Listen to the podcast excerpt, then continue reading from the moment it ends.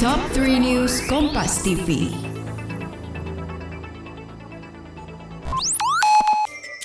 Hai moms and dads, suka bingung untuk curhat masalah keluarga atau mau denger tips and trik terbaru soal dunia parenting?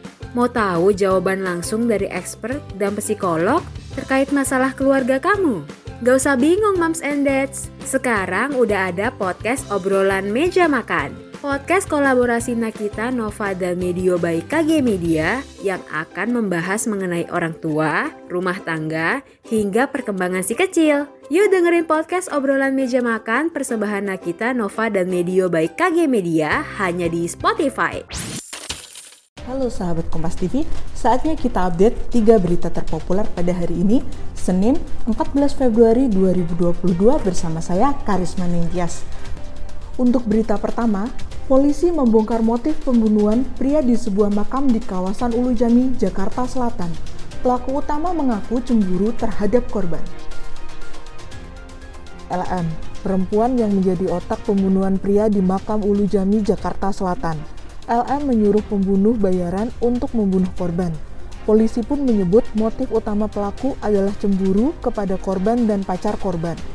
Berita selanjutnya, Komisi 7 DPR mengusir Direktur Utama PT Krakatau Steel. Pengusiran ini dilakukan saat rapat dengar pendapat dengan Krakatau Steel.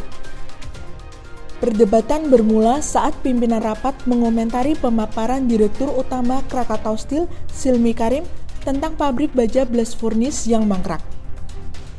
Namun pernyataan maling teriak maling memantik perdebatan keduanya.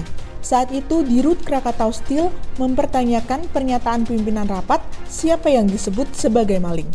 Dan berita yang terakhir, Koordinator PPKM Jawa Bali Luhut Binsar Panjaitan menyebut tren kasus COVID-19 di Jakarta menunjukkan tanda-tanda melewati puncaknya. Hal ini berdasarkan data kasus harian dan rawat inap yang mengalami penurunan. Luhut juga menyampaikan masyarakat tidak perlu khawatir berlebihan saat kasus COVID-19 khususnya varian Omikron naik. Namun masyarakat juga diminta untuk tidak menganggap enteng dan tetap menerapkan protokol kesehatan dengan ketat. Melihat varian Omikron berbeda dengan Delta, pemerintah juga tidak mengambil rem terlalu dalam untuk sektor ekonomi. Nah, itu tadi tiga berita terpopuler pada hari ini. Saya Karisma Ningtyas, undur diri.